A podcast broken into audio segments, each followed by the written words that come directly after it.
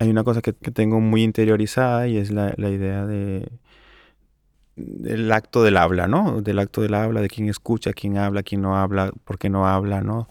Eh, de qué se habla, con qué, con qué palabras o retóricas se está hablando y para quién, ¿no? ¿Quién es el que, quién es tu, tu público? ¿Cómo nos, esto resuena o nos hace sentir, ¿no? Entonces, para mí, para que todo esto ocurra, hay que hacer cosas previas, ¿no? Hay que hacer cosas que, tienen que ver con, con un análisis eh, primero de, relaciones de poder básicas, ¿no? De a quién ponemos en una mesa, ¿no? Eh, hablar de qué, ¿no? Cómo combinamos esta persona con otra persona, ¿no? Y que eso no genere em, precisamente... Em, yo no, no, digo que no haya que tener miedo al conflicto, pero que precisamente no generemos unas simetrías eh, ficticias ¿no? en cuanto a, posiciones o políticas sobre determinados temas, porque precisamente eso es lo que hace que eh, enfanguemos la discusión, la despoliticemos. Eh, no se vale todos somos personas, ¿no? es como algo así, es como trasladar ahí de que tú piensas esto, yo pienso lo otro, ¿no? Y ya está. Entonces me parece que hay una, tendríamos que tener una mirada política a aquello que montamos y por qué lo montamos. Y, obviamente mm, las puertas están abiertas, es decir, lo que se hace para mí en una actividad o un diálogo es, es cambiar los términos de la conversa y tú puedes venir a escuchar y puedes venir a debatir, pero que el hecho de que no seas tú la que vas a hablar en la tribuna, o sea, adelante, es por algo, ¿no? Para mí eso es algo que habría que tener en cuenta y por eso es que intento funcionar como una correa de transmisión a aquellas personas que, eh, que pueden ser incómodas, que son incómodas, que no, que no, que me parece que si no eres incómodo en este ámbito, eh, no estás moviendo cosas, no estás eh, generando hilos por donde, donde repensarte. ¿no? Si, si solo estás generando cuestiones de autocomplacencia o de, o de o eso, o de la ilusión de la representatividad, pues mm, poca cosa estamos haciendo, ¿no? Eh, eso implica, pues eso, un desgaste, implica negociación, implica protocolos incluso de, de cómo actuar frente a ciertas tensiones, ¿no? Implica Implica también investigar, implica también tomarse en serio a la gente, saber tomarte un café con estas personas, ver un poco cómo se sienten, ¿no? Eh, estar, estar como en una comunicación constante para, para ver que, desde qué lugar se está hablando, ¿no? Porque esto no está bien combinarlo con esto, ¿no? Eh, bueno, cosas que, que creo que, que se, se, tienen que interiorizar en nuestra práctica ¿no? habitual. ¿no?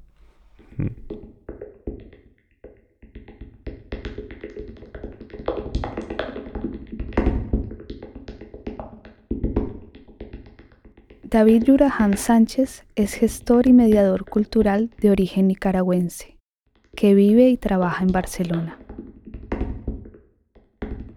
De sus entradas y fugas de la academia, además de un pozo de lecturas y frustraciones, le quedó impreso, por encima de todo, es estar en tránsito.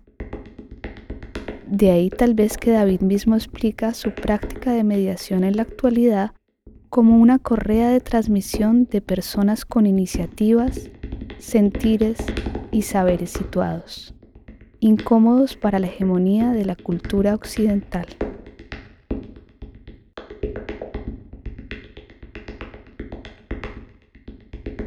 En este podcast, David Yuraham Sánchez amplifica pensamientos críticos formulados desde espacios pedagógicos y en constante conversación con otras, como un ejercicio de revisión de las matrices racistas y coloniales, desde las que desmontar simetrías ficticias en nombre de la diversidad. Desde su pensar haciendo y en un trabajo en colectivo como principal metodología, surgen una profusión de pistas, estrategias y objetivos para llevar a cabo tareas de mediación, educación o programación cultural antirracistas, que pasan por problematizar el vaciado de los derechos y políticas culturales, identificar ausencias y borrados en la memoria democrática y patrimonio nacional, y poner en práctica política la escucha.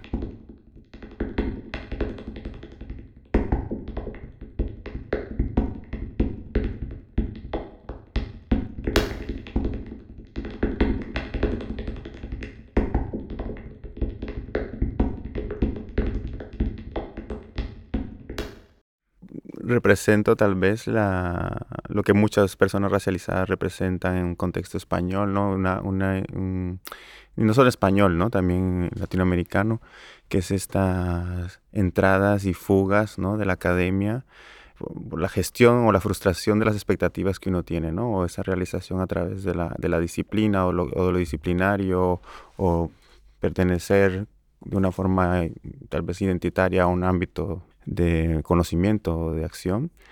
Y eso, yo creo que mi, mi historia eh, laboral, profesional, académica se basa en eso, ¿no? En entrar, darme cuenta lo que hay y salir, ¿no? Salir, eh, voy escogiendo un poco con las cosas que me quedo en esas entradas, ¿no? Eh, he entrado a, a, sociología inicialmente como, como carrera profesional, luego estudié salud pública y gestión sanitaria y luego me, lancé a, la idea de la antropología. Hay que tener en cuenta también que, que, muchas veces las formaciones o las entradas a las academias tienen que ver un poco con proyectos eh, de vida migratorios e incluso hasta de regularización de papeles, ¿no? O sea, son cosas que, que muchas veces las personas migrantes en el contexto español tenemos que estar justificando nuestra presencia aquí para a través de eso, ¿no? A través de, de, las formaciones, de cómo podemos estirar un permiso eh, y en eso van cambiando pues los, objetivos o proyectos de vida, ¿no? Entonces, bueno, eso me he metido a mediación comunitaria, me he metido a diseño de propuestas educativas, me he metido a, a bueno, a una amalgama de, de, disciplinas, de formas, de técnicas, de, ¿no? de metodologías. Y hoy por hoy lo, que estoy haciendo es algo que lo, lo, hago de una forma autodidacta, no es una, no es una formación reglada la que, la que estoy haciendo. ¿no? Está claro que todo lo que hago bebe de lo que, de lo que, de lo que he estudiado, ¿no? Pero siento que hace más, eh, más interesante el hecho de hacer algo haciéndolo, ¿no? O sea, no, no, no pensándolo, no estudiándolo, sino eh, haciéndolo. Pensando en esto del axioma o de una forma de entender o abordar ciertos problemas, siempre parto como de, como de tres momentos o tres, o tres pasos, ¿no? Por una parte es como una evaluación inicial del marco de referencia que te ponen, ¿no? O sea, a nivel conceptual, a nivel de qué lugar se está planteando un concepto o una, una idea y ponerlo en tensión, es decir, eh, decir hasta qué punto, cuáles son sus límites, cuáles son sus huecos, cuáles son, desde qué lugar se está planteando, si esto abarca em, a otros cuerpos, a otras realidades, a otras, ¿no? A otras nociones y también los problemas de traducción que, hay en los contextos, sobre todo occidentales. Eh, eso implica también disputarle esa universalidad que tiene Occidente ¿no? a la hora de plantear sus grandes temas o conceptos. ¿no? Entonces, para mí eso es lo primero, ¿no? cuando em, abordas tanto una actividad como un, glosario de términos, tienes que ir ahí y lanzar siempre las alertas, ¿no? Siempre estar, alert, eh, siempre estar alerta, valga la redundancia, a esto, ¿no? ¿Qué, qué debates actuales se están produciendo en, en, en este marco, ¿no?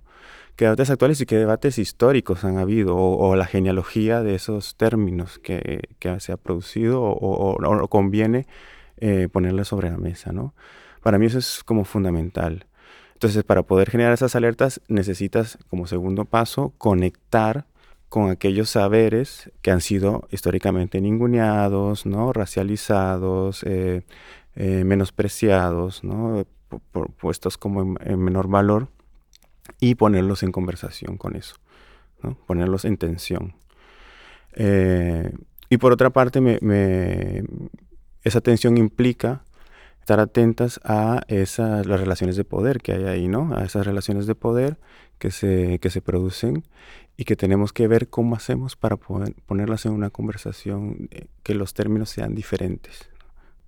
Para una montar una actividad, como te decía, o como para una, o para eso, pensar un material, es algo que, debemos de poner siempre en el, centro. ¿no? Y a partir de ahí, no casarnos con ningún término, no casarnos con ninguna, con ninguna propuesta que esté situada en un contexto muy determinado y que no responda a diferentes realidades o subjetividades. ¿no?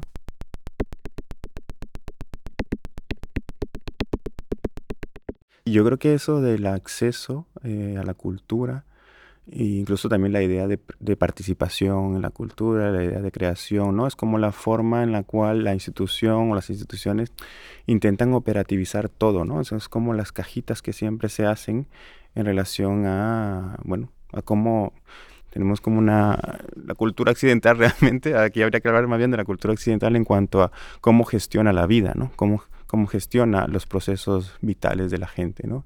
Entonces, el hecho de, plantear la cultura como algo en términos de acceso o de participación, ¿no? O de creación, como algo separado, como algo separado de la vida, como algo separado, como que se va a un lugar a hacer cultura, ¿no? ¿no? O sea, la gente está haciendo cultura todo el rato, que no pasa por el filtro o esa validación occidental o de lo que se entiende como una cultura de forma eh, normalizada o, legitimada, sobre todo ¿no? por las instituciones, ¿no? ¿Por qué no se entra eh, lo cultural con las expresiones religiosas? Porque una mezquita no forma parte de los derechos culturales de las, de las, personas musulmanas eh, de esta ciudad o de todo el Estado español, ¿no? Y en donde precisamente son lugares en los cuales se está generando muchísimas formas de vida, conocimiento, transmisión de conocimientos, de lengua, de, espacios de socialización y entonces el, la laicidad opera precisamente como algo para romper con esa, con esa idea de cultura, no entra en el esquema cultural occidental o, de lo que se está moviendo en, el, Estado español.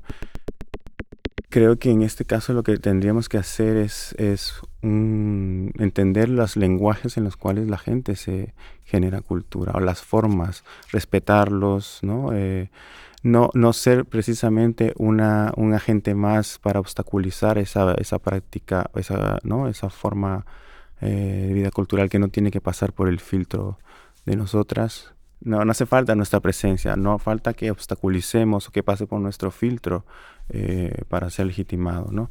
Obviamente hay otros esfuerzos que necesitan un apoyo activo eh, para que eso se dé, ¿no? Pero que, que, igual, como te decía antes con el tema de las mezquitas, no pasa por ir a celebrar que hay mezquitas en la ciudad, sino más bien para ver cuáles son las condiciones en las cuales una mezquita puede eh, instalarse como cualquier otro espacio cultural, religioso en la ciudad, ¿no?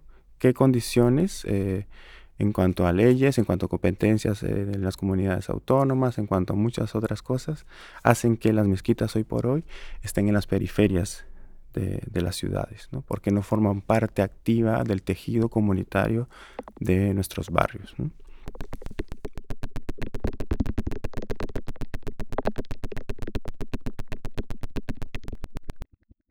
tema de los derechos culturales la verdad me genera mucho conflicto ahora mismo eh, estar hablando de esto. O sea, primero como, como derechos, eh, asistiendo a lo que estamos viendo con el tema de Palestina, ¿no? O sea, como algo que... Derechos y cultura, me parece como interesante lo que estamos asistiendo hoy, en el sentido de, después eh, de la Segunda Guerra Mundial, eh, es cuando se, se firma la, Declaración Universal de los Derechos Humanos. ¿no? Se firma por una situación en la cual de racismo eh, antisemita de Europa hacia los judíos. ¿no? Eh, se pretende como algo universal, se pretende como algo que suscribe toda la, la humanidad. ¿no? Hoy estamos asistiendo a, a la vulneración absoluta de toda idea de humanidad con el pueblo palestino y contra aquellos que no fue pensado esa, esa, eh, ese marco, ese molde de derechos, ¿no? Y eso lo vemos pues en otros contextos como Latinoamérica, África y tal, ¿no? Entonces, eh, interpelar o, o, o, debatir en el marco de los derechos me parece como una cosa bastante problemática. Em, por eso, o sea, que son declaraciones de intenciones, pero que no están pensadas para hacerse, para ser ejercidas por aquellos en los cuales no son pensadas inicialmente, ¿no?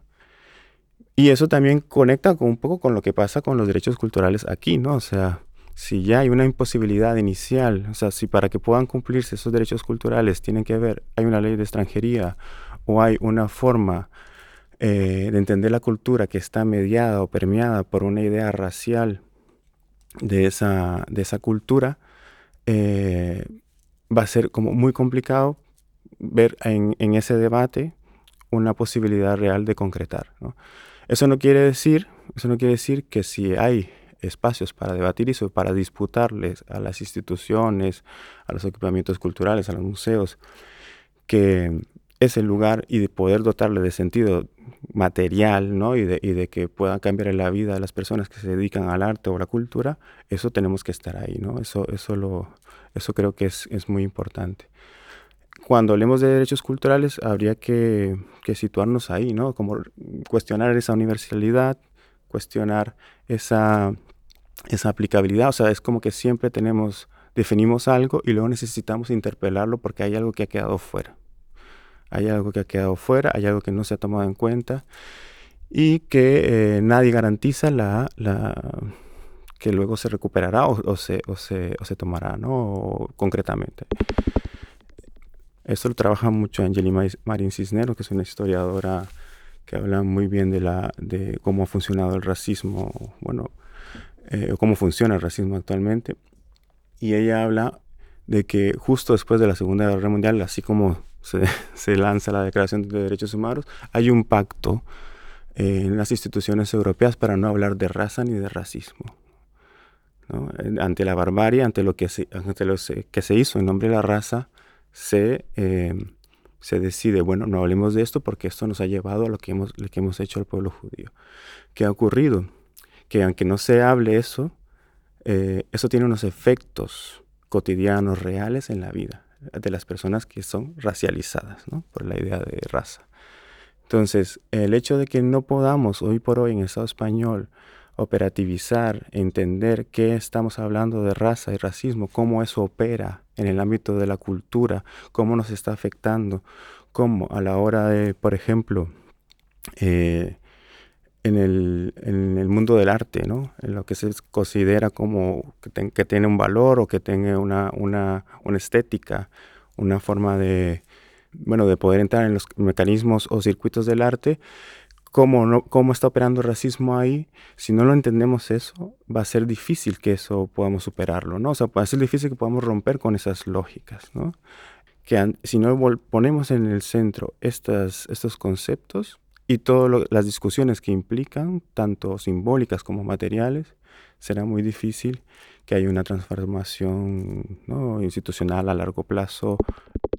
La cultura está operando, la cultura para mí está operando como una eh, como una moneda de cambio que no es equivalente. Es decir, estamos las personas racializadas en el Estado español sufriendo racismo, pero la forma en la cual se intenta reparar o se intenta solucionar esa eh, pues ese sometimiento, ese extractivismo, esa, ¿no? esa dominación, es a través de la cultura, del reconocimiento cultural, de las formas culturales, ¿no? de, de la celebración, ¿no? de, la, ¿no? de, de la, de la idea de, de, representación cultural, pero no las condiciones materiales que hacen que yo siempre, o que las personas racializadas siempre estemos en una posición desigual, jerarquizadas o categorizadas de una forma que nunca llegaremos a las mismas eh, cuotas de poder o, o, tener una conversación sobre temas que vayan más allá de tu expresión cultural, ¿no? que tiene que ver con educación, salud, arte y otro.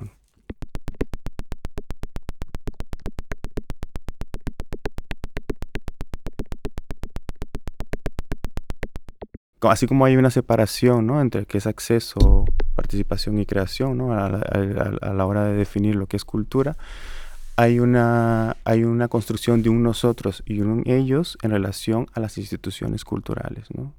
Entonces, ese acercamiento eh, lo están pensando las personas que están dentro de la institución cultural y no las personas que están fuera. ¿no? Y en ese sentido, pues pasa, obviamente, por eh, pensar qué estamos haciendo, cómo, cómo, cómo, se están planteando los mecanismos, qué formas de hacer tiene la institución, qué formas de hacer eh, estamos, para qué temas estamos convocando, qué agenda es la nuestra, ¿no? qué les importa a, las demás personas en relación a este equipamiento, ¿no? Eh, qué, con qué lenguas nos acercamos a ellas, con qué lenguajes, con qué horarios, entra o no la religión como parte de una práctica cultural concreta eh, y respetable, ¿no? Como cualquier otra. Estéticas, eh, músicas, todo, ¿no? O sea, me parece que pasa obviamente por la representación o por la, por la composición de los equipos, pero también pasa por una deconstrucción, que es lo que estaba, bueno, o, hay muchas personas en esta ciudad que trabajan la cultura que reivindican, ¿no? O sea, si no ponemos la idea de raza, la deconstruimos y vemos cómo está operando precisamente en esa relación con esas comunidades, no vamos a poder entender qué es lo que ocurre. Eh, volviendo a Angeli, también ella hablaba un poco de que con el tema de racismo, que el hecho de no hablar racismo, de, no hablar, de no saber que estamos hablando de racismo, ¿no? y cómo opera este racismo que inicialmente pudo ser de tintes religiosos que luego se pasó al biológico y que, y que fundamentó precisamente la esclavitud.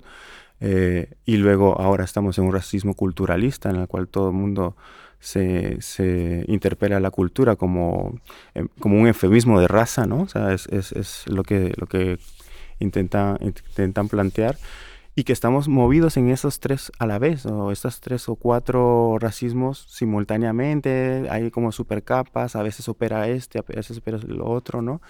Eh, y como luego ahora, en, el marco de esa, de esa convivencia, de esos racismos históricos, hay nuevos modelos civilizatorios que están operando en esa, en esa relación con esa alteridad, ¿no? Que, que tienen que ver con los feminismos, bueno, el feminismo blanco sobre todo en este caso, eh, la idea, lo del LGTBI, ¿no? o las nuevas masculinidades, ¿no? se operan como unas nuevas formas de ejercer racismo, ¿no? desde una supuesta eh, idea de valores occidentales, en donde te categorizamos o te ponemos en un lugar a lo que no sea eh, occidental.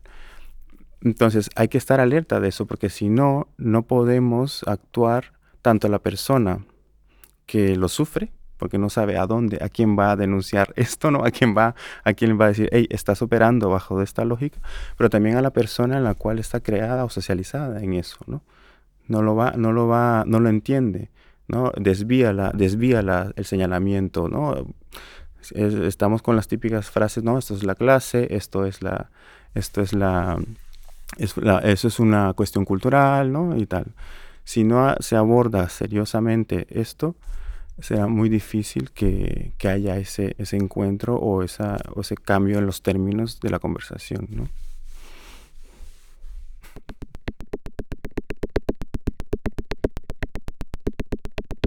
Nos, nos, encontramos sin herramientas, no podemos nombrar las cosas y por tanto no podemos eh, eh, reaccionar ante ellas. ¿no? Si desde las instituciones educativas, desde pequeños, se plantea cómo funciona la raza, qué, qué, qué está operando aquí, ¿no? Cómo podemos identificarla, ¿no? cómo ocurre a nivel del profesorado, cómo ocurre a nivel del espacio público, cómo ocurre a nivel en diferentes espacios, sería, sería no quiero decir que eso no, no, pasaría, pero los términos de la conversación o las palabras serían diferentes, ¿no? Y, por tanto, o sea, el diagnóstico sería diferente, pero también las posibles eh, medidas, ¿no?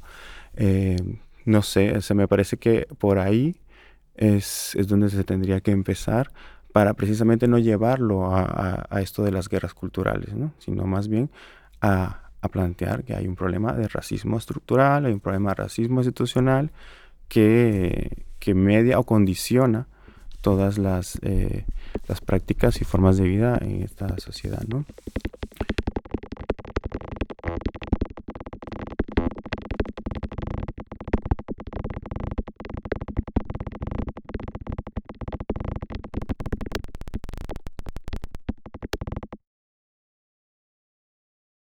Hay como una, como una suerte de meta, ¿no? De, superación de esas batallas culturales o, de superación de, del racismo, que es como la, retórica esta del mestizaje, ¿no?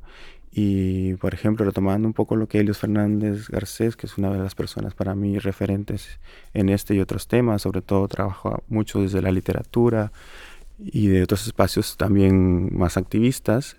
A mí me parece el trabajo que él hace para desmontar la idea de mestizaje muy interesante, como intentando abordar el racismo o, esas batallas culturales, podemos eh, precisamente esquivar la pregunta fundamental, ¿no? Es decir, el mestizaje siempre se ha visto como eso, como una meta, ¿no? Como algo aspirar, ¿no? Una meta cultural, algo que supuestamente intentaría o superaría ese racismo. Pero cuando, cuando vemos los ejemplos de ese supuesto mestizaje, ¿no? Esa aspiración a, hacer a este mestizaje, cuando, cuando se habla de esa alteridad, ¿no? En las obras literarias, ¿no? Sobre lo morisco, sobre lo afro, sobre lo islámico, ¿no? Sobre sobre lo árabe, pues se convierten siempre en fetiches literarios, ¿no? Siempre y culturalistas, ¿no? O sea, siempre están invitados o representados de una forma en la cual se, despolitiza, ¿no? Se despolitiza, se, se, les, se les llena de un halo orientalista o exotizante, ¿no? Y entonces estos, los grandes ejemplos del mestizaje en la literatura, esto es lo que podemos aspirar, un mestizaje que no apunta a las jerarquías raciales que existen en, ese supuesto encuentro o conversación, ¿no? O, sí, o mezcla, ¿no? Entonces, se, convierten en mezclas exóticas, ¿no? Eh, donde todo el mundo copia a todo el mundo, intercambiamos entre todo el mundo, pero no ve precisamente cómo llegan, eh, en este caso las personas blancas, a ese encuentro desde qué lugar entran, ¿no? Y luego, ¿quién se beneficia de eso al final, ¿no? Yo soy muy fan de los debates pop, los debates pop, porque creo que conectan mucho con estas cosas em, tal vez más macro, analíticas, ¿no? De, racismo, colonialidad y tal. Por ejemplo, el debate de Rosalía, Bajiel eh, y Zetangana me interesan porque es donde ahí ves precisamente esto la, idea del mestizaje, ¿no? O sea, eh, Rosalía, como la generación beat en Tánger, ¿no? Eh, tiene un halo de, de, mm, exaltación, ¿no? Porque se supone que ellos son los que se han arriesgado, se han, se han desprendido de su cultura, se han mezclado, ¿no? Con otras culturas, se han, ¿no? Se han han cogido lo bueno, ¿no? Y han, hecho mix, ¿no? Han hecho mixes y, ponen referencias, ¿no? Históricas, ¿no? Conocen gente, ¿no? de, otras culturas. Eh, pero ¿qué, ¿qué, ocurre con el resultado de esto, ¿no? ¿Qué ocurre, no? ¿Quién, se ha beneficiado de esto, no? ¿Quién se ha beneficiado? Yo no estoy eh, proponiendo que es que vamos a cancelar a, Rosalía, ¿no? Me, parece que es, lo que hay que hacer es un análisis político de lo que ocurre en la industria musical, ¿no? A quién quieres, a quién pones, ¿no? ¿Qué ha pasado con aquellas colaboraciones o aquellas cosas en las cuales esta persona ha entrado, ¿no? Y luego ha salido, ¿no? O sea, seguramente el próximo disco de, de Rosalía seguramente se irá a Japón y sacará algo sobre las músicas de Japón o África y tal. Ella tiene ese privilegio, esa forma de poder ir transitando por los mundos. ¿Qué pasa con las gitanas? ¿no? ¿Qué pasa con eh, los latinoamericanos o los caribeños que eh, hacen reggaetón? Entonces quiero decir que la trampa del mestizaje en el ámbito de la cultura tenemos que estar muy alertas porque muchas veces las, las recetas o las propuestas para para precisamente mm, romper con esas jerarquías raciales vienen de ahí. Y ya sabemos quiénes son los que se benefician. O quién le interesa esa, esa idea de mezcla, ¿no? El flamenco es un ejemplo, ¿no? Cómo eh, pudo haber bebido, pues eso, de músicas afro, de la salsa, de muchos otros lugares. Sí que hubo una, parte horizontal, pero luego, y lo gitano obviamente, eh, luego viene el Estado español y lo coge como algo que representa la españolidad, borrando lo gitano de ahí, borrando lo afro de ahí. Entonces, eh, lo vemos también aquí, la, la, rumba catalana, la que está en Calle de la Cera, bebía, tenía préstamos, habían intercambios con la salsa que venía traída de Gato Pérez. Y había una cuestión horizontal, no, no, no hay unos, términos eh, jerárquicos. Cuando ya luego eso lo, lo, lo, abducen, ¿no? lo cooptan las instituciones o con bajo esta retórica del, del, mestizaje, es sin los cuerpos, sin las personas que han producido eso. ¿no? Eh, y entonces, en ese sentido, hay que tener mucho, mucho cuidado con eso porque ese intercambio habría que ponerlo en cuestión. Habría que ponerlo en cuestión como, como la receta mágica a, a superar ese, esas jerarquías. ¿no?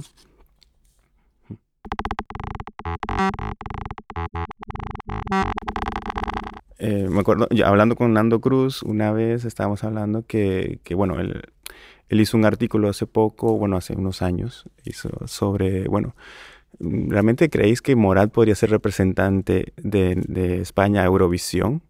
O sea, ¿qué, qué, qué, qué puede despertar, ¿no? Eh, en cuanto a, la, escena pública o a las sensibilidades, ¿no? que Morat con el éxito que tiene a nivel internacional, ¿no? Y cómo, cómo ha llegado a lo que tiene, podría ser representante de Eurovisión y, ahí está el tema, ¿no? O sea, es decir, hay ciertos cuerpos, ciertas músicas, ciertas estéticas que vienen de esas extrarradios, que vienen de, ¿no? de colectivos racializados, que primero, para poder llegar ahí, no han pasado los canales que por ejemplo ha pasado Rosalía, ¿no? En relación a, su formación, en relación a, ¿no? a, los espacios en los cuales ha sido cogida, eh, porque entiendo que él empezó con videos de YouTube caseros y, y, la gente pues iba. También a nivel de temáticas, ¿no? Que de qué nos está hablando eh, Rosalía y de qué nos habla Mora, ¿no? Como la gente que lo escucha ¿no? por, qué, temas le puede interpelar, qué temas no le hace le toca la fibra, ¿no? En relación a eso y por, y por ende, pues nunca van a poder ser eh, legitimados, aceptados en relación a ciertos contextos. Y luego la vida misma de Mora, o sea, una persona que es expulsada de su propio barrio. ¿no?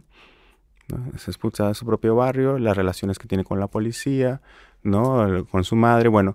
Entonces, para mí sí que Mora puede ser un fallo en el sistema, pero que también es un fallo en el sistema que, eh, que no llega a ser y nunca llegar a ser como los otros eh, eh, pues esos referentes musicales que tenemos en el contexto español, ¿no? O sea, siempre estará ubicado en otro lugar. Y ahí es donde opera la raza, ¿no? Ahí es donde opera desde dónde viene él, de qué marco, desde qué mirada lo estamos viendo y quiénes lo están viendo, ¿no? Es importante, es interesante ver lo que ocurre, pero también, exacto, no hay que caer en la trampa en lo que en, en, lo que luego puede presentar el moral como una especie de meritocracia o una especie de ser un héroe, ¿no? Eh, una especie de si se puede, ¿no? Porque esa es otra de las de los de los vicios que hay en el mundo de la cultura en cuanto a los referentes, ¿no? Referentes culturales, referentes porque lo que hace la idea de referente o de o de la persona que haya triunfado no es que la no está hablando de, de, ellos mismos como tal. Está hablando de que sí se puede, que el, que el problema no es el sistema. El problema es una cuestión individual, el problema es que vosotras no hacéis lo que tendrías que hacer porque ya ves que él eh, sí pudo. ¿no?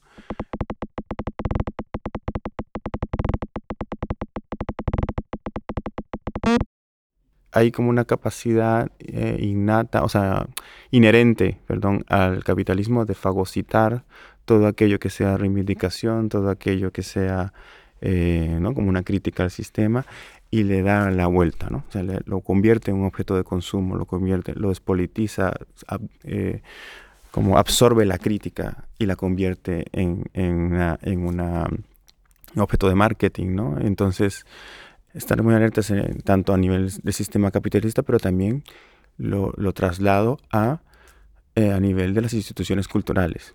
¿no? Es decir, cómo, y aquí conecto mucho con, con, otra cosa que tiene que ver y que, y que todas mis, mis maestras de, de, que trabajan en el mundo de la cultura aquí en, en España, Elios Fernández, Angeli Mari, Mustafa Shaimi, Ainodia Duhaibi, y más, y muchas más, Francisco Godoy, bueno, aquí voy a hacer una lista enorme, eh, estamos como muy alertas a cómo se está haciendo la crítica eh, antirracista, decolonial en las instituciones, ¿no? Cómo hay que estar alertas a esto, ¿no? De cómo podríamos estar respondiendo a esto que decíamos del sistema capitalista, ¿no? Es decir, cómo sabemos cuál es la crítica, cómo la sabemos eh, leer, ¿no? Sabemos, eh, pero cómo la estamos eh, desactivando a través de ciertas propuestas que se pretenden ser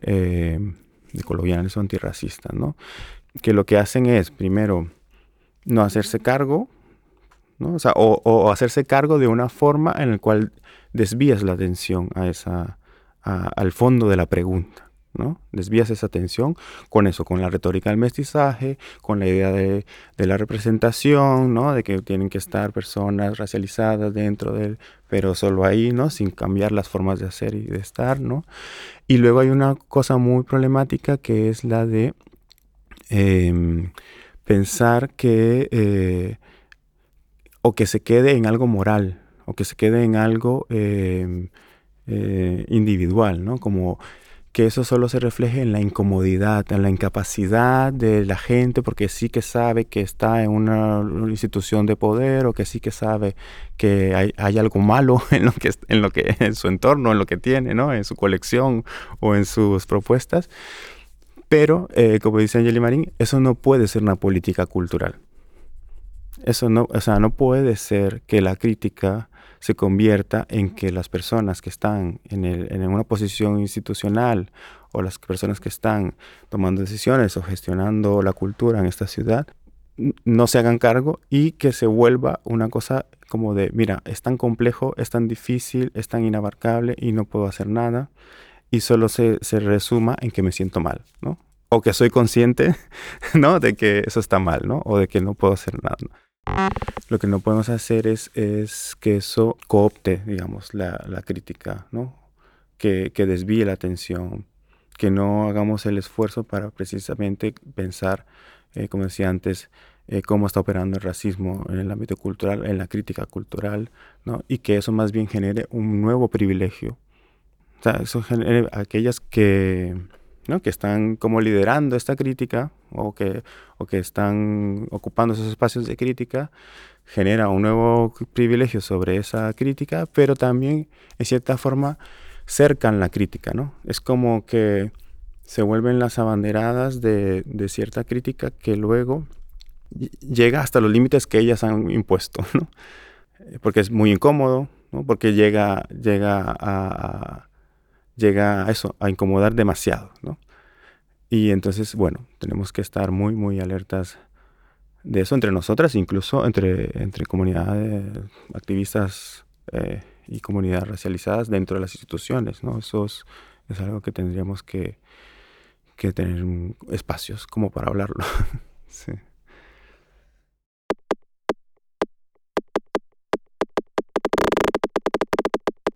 A mí me cuesta eh, como mm, no me gustaría que se entienda como una como una mm, como un ataque moralista a aquellas personas en las cuales están en sus diferentes espacios luchando por bueno posicionar otras narrativas no eh, que, bueno que se cobijen desde, desde la categoría de colonial anticolonial postcolonial bueno a mí la verdad eso no no no me gustaría que se entienda que es una cosa una crítica y tal, porque creo que cada quien hace lo que puede en los marcos de referencia que tiene y con los espacios que, que tienen, eh, también sabiendo que las personas racializadas dentro de los equipamientos sufrimos racismo, sufrimos violencia, sufrimos, eh, bueno, otro tipo de cosas que, que, mucha gente pues no lo sabe o, da por hecho de que no, que, que este, este como Morat ha llegado y ya lo tiene resuelto, ¿no? Eh, pero sí que creo que lo que, lo que no se podría hacer es eh, alimentar la idea de las identidades culturales, o sea, que, que las razas son, o la idea de raza o racismo es, es, una identidad cultural más, ¿no? Para mí la raza, para mí, para, para mí, para, como os digo, todas mis maestras que trabajan este tema en el ámbito de la cultura, es una estructura de poder, ¿no? que opera, que, que, se ramifica, que se permea todos los espacios de la vida. Y entonces si nosotros en esa crítica que hacemos a las instituciones culturales, a los museos, tal, nos estamos enfocando solo en la idea de identidad cultural, o racial incluso, que me parece problemático eso de la identidad racial, porque la, la raza eh, asigna el poder, no, no nosotros, ¿no? Entonces que tú te vayas a enmarcar en una identidad racial que te lo está montando otro me parece bastante problemático sin apuntar a que, que es una estructura, es, una, es un sistema, ¿no? Es, es una identidad, ¿no? Entonces ahí es donde yo creo que, que, tenemos un problema, ¿no? O sea, tenemos un problema en el cual si desde la crítica estamos alimentando esa, esa bestia, no vamos a salir de, de eso, no vamos a salir y estamos precisamente reproduciendo eh, eh, racismo, básicamente. Estamos reproduciendo racismo, no estamos cambiando los términos de la conversación, no estamos apuntando a lo que es importante, que es al algoritmo, a las formas de hacer, ¿no? a la forma en cómo se reproduce y se refuerza la cultura no eh, dominante. ¿no?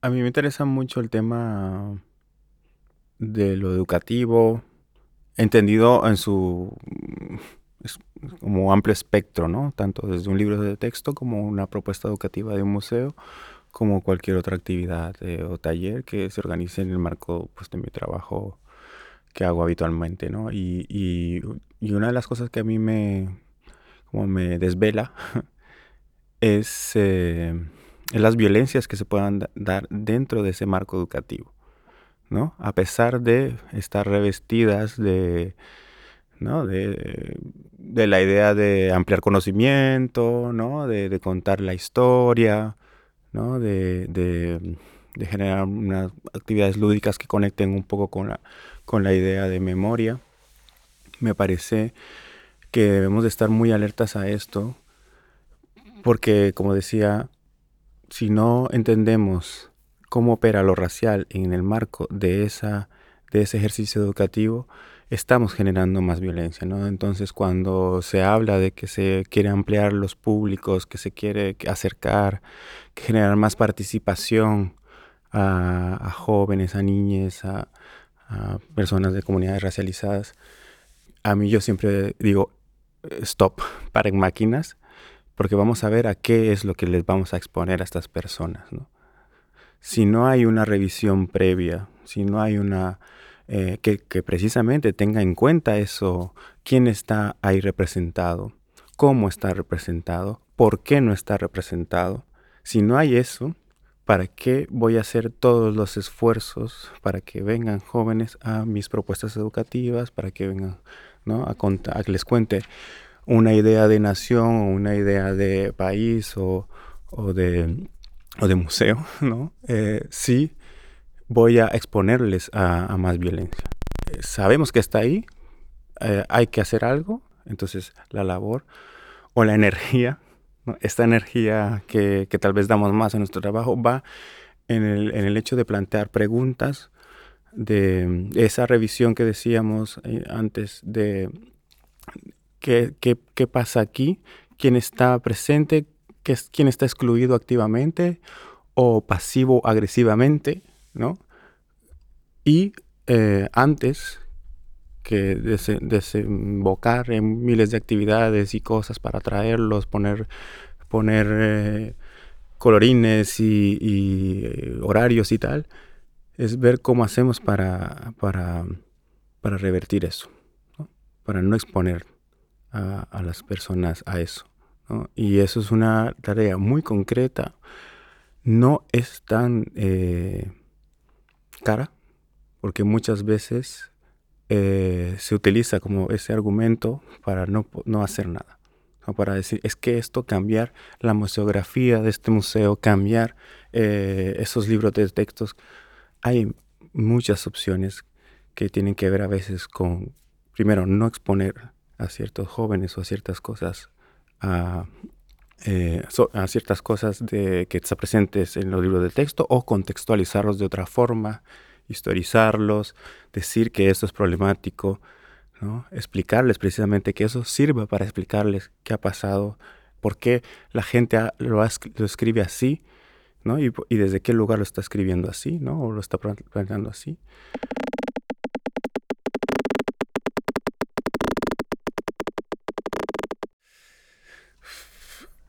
A ver, yo creo que una de las cosas que, que pasa con los museos, que es, bueno, que es otro dispositivo educativo, pero también colonial, o sea, es una de las instituciones por excelencia coloniales, ¿no? En donde esto, esto no lo digo yo, se lo dice muchísima gente que está trabajando críticamente desde diferentes áreas, eh, disciplinas, em, y con muchísimo más eh, Em, precisión que, los museos, eso, son una, son la institución por excelencia en la cual se ha construido la idea de raza, ¿no? la idea de categorización, la idea de, del relato que el propio Occidente se ha querido hacer a sí mismo y cómo ha querido ver a los demás, ¿no? En qué lugar les ha, eh, cómo ha seleccionado qué es apreciable y qué no para eh, Occidente, ¿no? Y además revestido pues de lógicas de una aurea estetizante, ¿no? Eh, eh, cosmopolita. Entonces, a mí me interesa esta cosa que es teórica, que es algo teórico, eh, cómo se traduce en la ciudad, cómo, cómo opera eso en la ciudad de forma situada. Cuáles son, Mustafa Shaimi habla, habla muy bien de esto, ¿no? De cuáles son las dialécticas que han generado la producción ¿no? de un museo concreto, con una temática concreta eh, en esta ciudad, en oposición a qué se ha generado eso, ¿no? con qué objetivo se ha, se ha dado, ¿no? en ese sentido, pues percatarnos de que hay una intencionalidad política detrás de un museo, hay una, hay una, hay una necesidad que se cubre, eh, también hay un relato, un relato nacional que cada museo eh, eh, encarna, pero también un relato de ciudad, ¿no? Y hay como una, una cosa que, que tendríamos como, como tener en cuenta que ese es el marco. el museo está, o los que crearon estos museos, ese es el marco. Pero también no perder de vista que también hay, es otra vez volver a lo material, que también hay intereses privados y públicos en esos museos, ¿no? Que determinan que una colección sea una, una u otra, ¿no? Que determinan que entres o no a ese museo de la forma en que entres o las propuestas educativas que, entre, que, propongas sean una u otra. Eh, está claro que eso no, no, no, condiciona todo porque obviamente sabemos que los equipos van cambiando, eh, los equipos también encarnan teorías críticas encarnan eh, posturas eh, que son incómodas para las propias instituciones y que precisamente son las que están eh, tensionándolo y que están viendo cómo revierten ese pecado original ¿no? de su constitución. Entonces a mí lo que me interesa es, vale, vale, este museo está aquí. ¿Qué es lo que me genera a mí este museo? Qué es lo que le genera a la gente que vive en esta ciudad, no, no a las turistas. ¿Qué es lo que le genera o le puede generar a un chique racializado cuando le obligan, entre comillas, a ir a, una exposición, a una actividad? ¿O qué es lo que le genera a una académica activista antirracista, a un artista, ¿no? Eh, el contenido o el relato de ese museo? Creo que pocas veces tenemos la oportunidad de, de, saber realmente qué es. Muchas veces son como, como cosas de pasillo, como cosas de lo que dicen. Y en ese sentido, eh, ahora mismo en el, proyecto, en el proceso en el que estoy, que se llama Museos Imposibles, que es organizado por el SPA de Viñó en colaboración con, con, con los propios museos, ¿no? Hay una intención de generar un diálogo, entre comillas, horizontal, porque nunca será horizontal, para poder conocer de cerca un poco eso, ¿no? O sea, ¿qué, qué, qué te genera? ¿no? ¿Qué, qué, qué siento yo a la hora de pasar por, por, tu, por tu museo, ¿no? Siendo de un lugar ¿no? De un contexto muy determinado, que vivo en esta ciudad y que, y que lo que está hablando tu museo me interpela de alguna forma, ¿no? Me interpela de alguna forma, de forma positiva o negativa, ¿no? No podremos es decir que no lo sabíamos. es decir, a veces parecía o parece que muchas veces como los que los diagnósticos en relación a trabajar el tema de colonial o el tema de racismo o tal, mm, pues no, no siempre se han hecho en otros contextos, siempre se han hecho en otros lugares más teóricos, pero ahora mismo hay toda una serie de personas que están generando conocimiento en relación a esto. Un conocimiento que es fácilmente traducible en medidas concretas para poder revertir esos relatos o esos eh, imaginarios que se están dando a través del, propio museo. Ese conocimiento tiene que servir para que ya cuando toca el momento de, la mediación o de, la, o de la, la, traducción de esto a algo educativo, tengas la capacidad de eh, generar las conexiones necesarias para que eso que se está eh, diciendo el artista o que está ahí la propuesta que está haciendo el museo tenga conexión con su vida diaria, que tenga, que tenga la capacidad de poder eh, em, vincular, ¿no? generar un pensamiento crítico, crear asociaciones, em, interpelar su propia realidad, ¿no? Y, y, creo que es muy importante eh, esa labor, porque siento a veces que si, si no hay esa, ese esfuerzo de generar esa conversación, nos quedaremos otra vez en esta idea del artista, ¿no? Que puede, de una, puede estar ahí sentado en su habitación propia pensando cosas sobre que le afectan a él, pero que eso no tiene ninguna eh, resonancia con lo que pasa en el mundo, ¿no? Y, y, le estamos escuchando, pero este artista no está escuchando lo que le pasa o lo que está generando eh, a su alrededor, ¿no? A ese artista hay, hay una cosa que le está legitimando su discurso, que le está amplificando su, su, su obra, ¿no? Pero ¿qué pasa con las personas que vamos y, y necesitamos eso, pues, interpelarla, ¿no? necesitamos eh, decir, bueno, ¿esto qué, en qué, qué, no, qué me toca, qué nos toca, ¿no? ¿Qué, creo que hay que pedir como una cierta responsabilidad, porque también ahí vuelvo a lo material, hay recursos detrás, hay un despliegue de, cosas que tendría que haber una redistribución o responsabilidad de hacernos cargo de lo que pasa más allá de lo que pasa en el museo, ¿no? Parte de, la mediación implica cómo eso entra en conversación con lo que se está cociendo en la ciudad, ¿no? Y entonces em, creo que es algo que, que que tendría, tendría que estar muy presente ¿no? en lo que hagamos, no es una cosa a espaldas, eh, que una exposición venga eh, por X razón, ¿no? Un artista internacional y tal, eso cómo entra en conversación con los artistas de ti, con las temáticas, ¿no? con lo que, con lo que, que, están generando, que se están dando, cómo se teje eso, porque si no, eh, estamos en ese modelo cosmopolita de que vienen los artistas, eh, vamos, accedemos al mundo a través de ellos, pero no eh, ponemos en conversación con lo que se está tejiendo y, y, aquí en la ciudad misma, ¿no?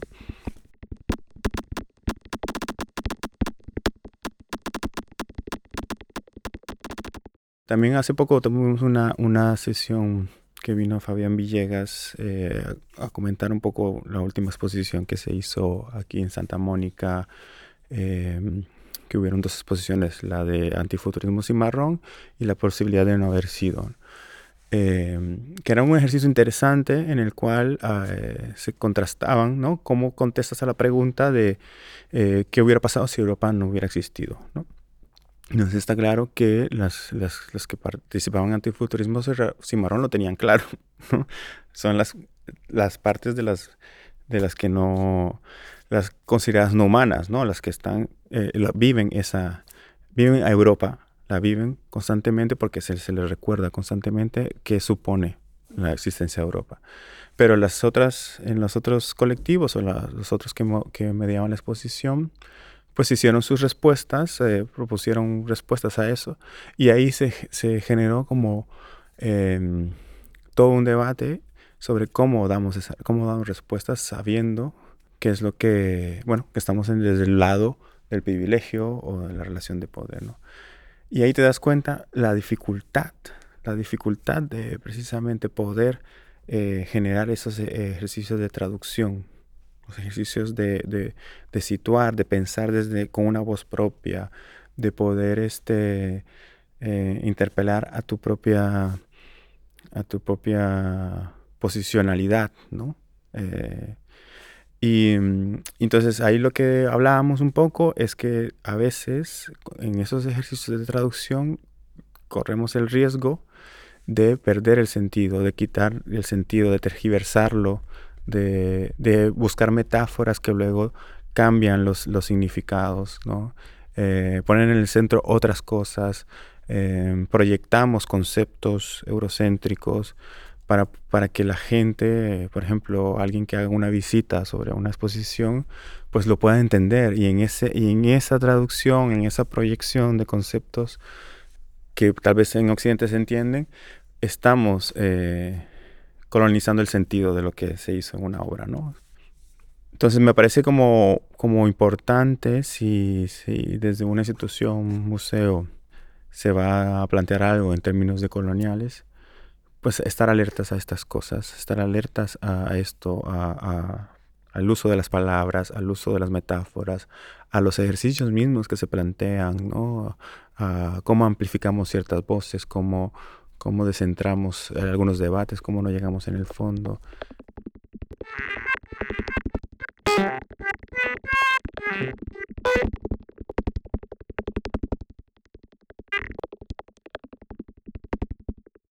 Porque en la memoria histórica se habla de memoria democrática y no se habla de memoria colonial, ¿no? La memoria que tiene que ver con Filipinas, con Guinea Ecuatorial, ¿no? La memoria con, con, con Abiyayala, con, con los gitanos. Tú te fijas en, la, en los museos de esta ciudad, lo gitano está ausente. Y en los lugares donde está, o sea, predominantemente ausente, pero donde está, está de una forma problemática. Tú dices, eso es algo del pasado. No, esto es algo que tiene una continuidad eh, histórica y, y, y, actual que se refleja precisamente en cómo viven los gitanos actualmente en esta ciudad. ¿no? ¿Qué han hecho los gitanos? Han, han propuesto otras formas de entender el museo, otras formas que precisamente rompen con esta idea. ¿no? Se ha montado un ecomuseo urbano gitano en el cual no existe una colección entendida desde un punto de vista occidental, con sus propias categorías, con la utilización de metáforas. Eh, es un museo de las ausencias, de, un museo de qué es lo que hizo que arrasara con la presencia de gitanos en el calle la, en el calle de la Cera. ¿no? O han montado un museo virtual en el cual, como no hay ni un espacio, ni un museo, ni un edificio que acoja, se ha montado algo virtual para poder que su memoria viva, que, siga viviendo esa memoria, que haya registro, que quede ahí, ¿no? O, por ejemplo, lo que hacen es, eso lo hice en el marco de una actividad que fue ir a revisar los archivos de, eh, de, la, de la, mina. Y ahí veíamos, pues precisamente, que estaba la memoria de las barracas, eh, nos contaban un poco que que hablaba que la memoria de las barracas era una cosa que a nivel de relato de ciudad de, Barcelona no quería, no se quería, no se quería hablar de eso, era como una cosa pasada, manchaba un poco esta historia, pero luego hubo como una memoria proletaria de izquierdas que la quiso recuperar, pero sin los gitanos. Es como sin mencionar que eran gitanos, ¿no? Entonces, el, lo gitano, por ejemplo, es algo que siempre está en ese, en ese lugar incómodo, en ese lugar en el cual eh, a nivel educativo, a nivel de, recuperación de la memoria, no se, no se toma en cuenta, siempre queda fuera y ahí, ahí siempre es la, la, disputa, ¿no? el antigitanismo que, que, que, permea pues todas las, las, instituciones culturales de la ciudad. ¿no? Y entonces también habría que preguntarnos, ¿no? ¿Qué pasa? ¿no? O sea, ¿cómo, cómo es posible que, que los gitanos sigan en ese lugar, ¿no? históricamente, ¿no? A pesar de todas estas críticas que decíamos, ¿no? De coloniales, antirracistas, tal, ¿no? ¿Qué está pasando? ¿Qué ocurre, no?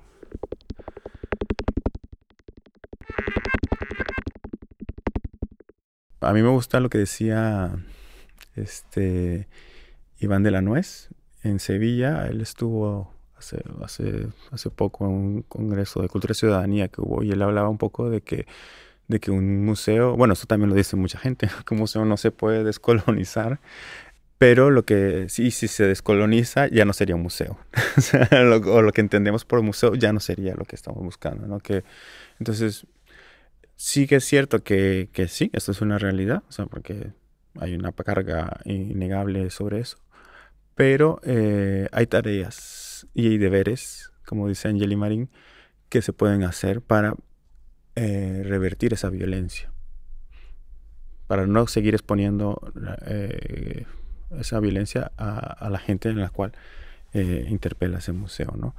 Em, muchas de esas, esas medidas tienen que ver con una labor de, de historización, ¿no? de, de, ver por qué, qué es lo que aparece ahí, cuál es la historia que hay detrás de eso, ¿no? de una historización que no haga trampas, obviamente. ¿no?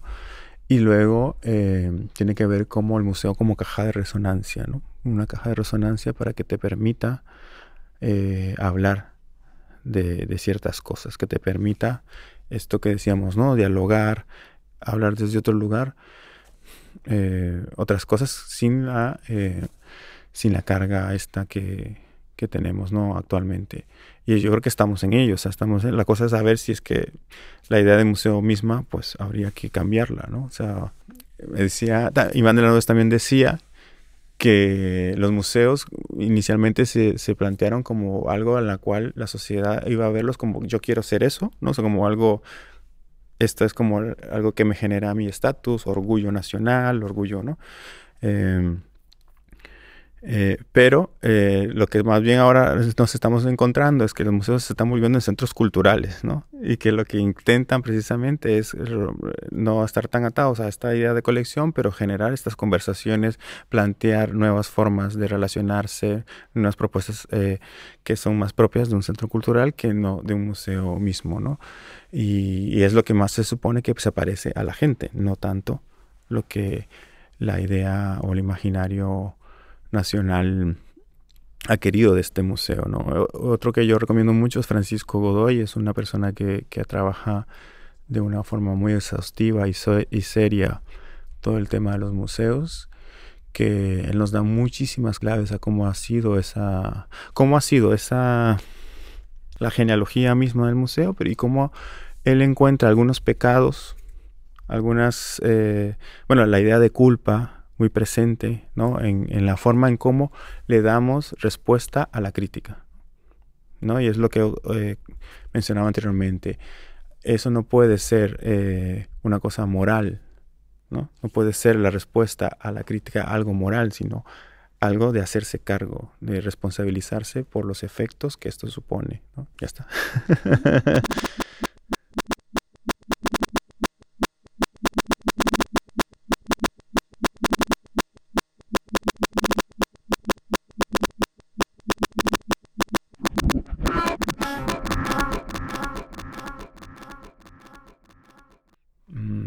hablamos mucho con muchas colegas, colaboradoras y tal, ¿no? Y, estamos un poco cansadas de, que se parta de cero siempre en las medidas o propuestas concretas eh, que, se, que se van lanzando, ¿no? Se abren muchos mecanismos o, o espacios de participación para hablar de, bueno, cómo podemos mejorar tal. Esto ya se ha dicho miles de veces, es como un revival constante, ¿no? De, hacia dónde tendría que apuntar para que medianamente incluya eh, o tomen en cuenta, pues eso, las realidades, eh, eh, subjetividades, formas de ser y tal de personas racializadas en la ciudad. Y, e incluso, pues eso, a veces hasta se les vuelve a invitar sin, sin pagarle su tiempo, sin, ¿no? sin estar en pensando como que su tiempo es gratis, como que si no tienen otras cosas. Y en ese sentido creo que, habría como que ya decir, basta ya, ¿no? En el sentido de, ya está, ya está sistematizado, ya la gente ya lo ha dicho, hay mm, suficientes materiales como para poder empezar a trabajar y el trabajo no son de las personas o de las comunidades eh, que ya lo han dicho, el trabajo es de aquellas que se, eh, encargan de gestionar la política pública, cultural, eh, para traducir de ahí, sacar de ahí lo que, lo que ya se está, se está diciendo. ¿no? justo estuvimos en, una, en un cementerio, en el, recinto islámico de Colcerola, estuvimos en un debate de, bueno, qué pasaba con los cementerios islámicos, ¿no? cuáles eran los modelos de gestión que, las, que se han utilizado aquí en Barcelona y em, y cómo, cómo ha ido, cómo, cómo funciona, ¿no? Han habido desde la iniciativa privada, luego a lo público, luego se han, se han hecho cosas que no respetaban el rito islámico, pero que lo hicieron desde lo público, se suponiendo que hubiera, que era algo respetuoso sobre eso. Y entonces se planteó ahí como que, bueno, pero es que esto lo tenéis que decidir vosotras, ¿no? Las comunidades, las comunidades así en general como que si fuera una, una cosa monolítica eh, y como que precisamente la comunidad musulmana pakistaní o la de, o la de Marruecos o la de la India o, cualquier otra se, tuvieran la obligación o la responsabilidad de hacerlo. Ellas obviamente saben cómo quieren, pero claro, no, no, no tienen por qué ellas venir a, a darte la respuesta digerida, eh, ¿no? encuadernada. Decir, mira, este es el modelo, ¿no? La responsabilidad es de las instituciones. Y eso conecta mucho, ah, me voy a ir hacia otro lugar, que es también el debate de la restitución que se da en los museos, ¿no? O sea, hay un debate que, que, que hace esta misma trampa. Que es primero no afrontar el debate de la restitución, ¿no? De decir, estos objetos que están aquí son robados o son, em, o son comprados de una forma eh, fraudulenta o incluso problemática en relación que eran regalos, eh, bueno, cosas de estas, no nos pertenecen. ¿Qué hacemos? Y muchas de las opciones o las respuestas que se dan es que ellos no lo tienen claro. En Guinea Ecuatorial, en Bolivia, en Colombia no lo tienen claro. Y esto es lo que hace es, no hacerse cargo de ese debate y lo que hace es generar esa supuesta división entre comunidades, entre entre posturas sobre esto, ¿no? Eh, entonces, ahí yo creo que, tenemos que ver cómo es esa forma de afrontar las respuestas está operando a la hora de eh, en otros espacios, en un cementerio, en un museo que no tenga que ver con una colección, en una escuela, en una, en una, en otros espacios, ¿no? Cómo lanzamos balones fuera eh, enturbiamos el, debate y no adoptamos una postura como gestoras eh, que estamos comprometidas con ciertas con ciertos principios para poder eh, darle salida a ese debate. No hace falta a veces que las comunidades, obviamente tenemos que tenerlas en cuenta, pero para ciertas cosas ya sabemos lo que hay que hacer, ¿no? Ya sabemos lo que hay que hacer.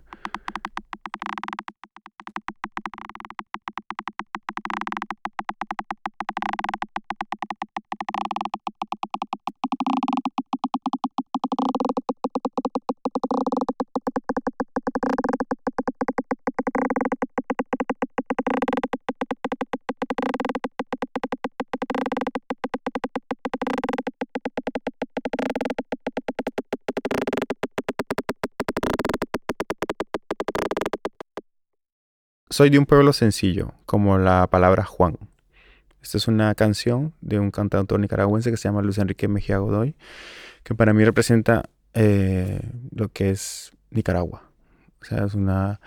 Eh, en, la, canción sigue hablando de, que, de tanto haber sufrido eh, tiene todo que enseñar, ¿no? Y, y, para mí representa un poco lo que, lo que como pueblo, no nación, no país, no estado, no como pueblo, porque lo centra ahí, ha pasado con nuestra historia desde la revolución sandinista hasta nuestro tiempo, ¿no? Entonces es una canción que se ha ido resignificando por lo que ha pasado con la tradición de esa revolución sandinista a lo que ha derivado ahora el régimen eh, dictatorial corrupto de Ortega y Murillo actual, ¿no? Que es el que ha generado eh, esa expulsión masiva de gente, de, les ha quitado incluso la nacionalidad de los presos políticos, una cosa inédita en el mundo, creo yo. Eh, y entonces, bueno, me representa mucho esa ser de Nicaragua en ese sentido, ¿no? Es un lugar que pudo, que está orgulloso por sus victorias o por su vinculación con la teología de la liberación, por plantarle cara a Estados Unidos, por, em, la costa caribe y su, ¿no? Los pueblos de la costa caribe, eh, que siempre también en, el relato nacional han estado marginadas, pero que ellas al margen de o a pesar de ejercen resistencias. Em, pero que todavía estamos como perdiendo una batalla. Siento que, que no es, no la hemos perdido o, o, eh, eh, la vamos a ganar de nuevo, pero eh, lo que me hace pensar a mí es la importancia de la memoria histórica, la importancia de cómo la memoria tendría que posibilitarnos que esto no vuelva a pasar, ¿no? que no que esto no nos vuelva a pasar y que, que, creamos las condiciones para que no vuelva a pasar, ¿no? Y ya está. Así, ¿ves? Es que por eso estaba ahí como la duda. Porque si no me pongo a... Me conflictúa un poco, porque claro, soy eso, soy un chico exiliado de Nicaragua Costa Rica, eh, me reconecto de nuevo a Nicaragua, precisamente es por la historia en la cual no había, no había entrado en contacto, entonces cojo Nicaragua, me hago parte de desde ahí, pero luego siento que, que otra vez me siento exiliado, aunque no vine exiliado políticamente, ¿no? Eh, no puedo volver, no puedo... Bueno, no sé. Yo te digo, Nicaragua me parece es como muy complejo para mí contarlo, que supera todas las, las, mm, los marcos de interpretación, eh, incluso desde la izquierda, desde lo de colonial, desde, eh, no sé, o sea, es como eh, sorprende los, los, lugares a donde estamos ahora, ¿no? Estamos luchando por reivindicar la bandera nacional de Nicaragua porque está prohibida. o sea, Imagínate, eso es un símbolo de protesta utilizar la bandera nacional, que es una bandera eh, erigida como algo mestizo, no, no tenía en cuenta lo, Caribe. Pero ahora mismo se ha vuelto una bandera prohibida. Entonces, entonces bueno, nada.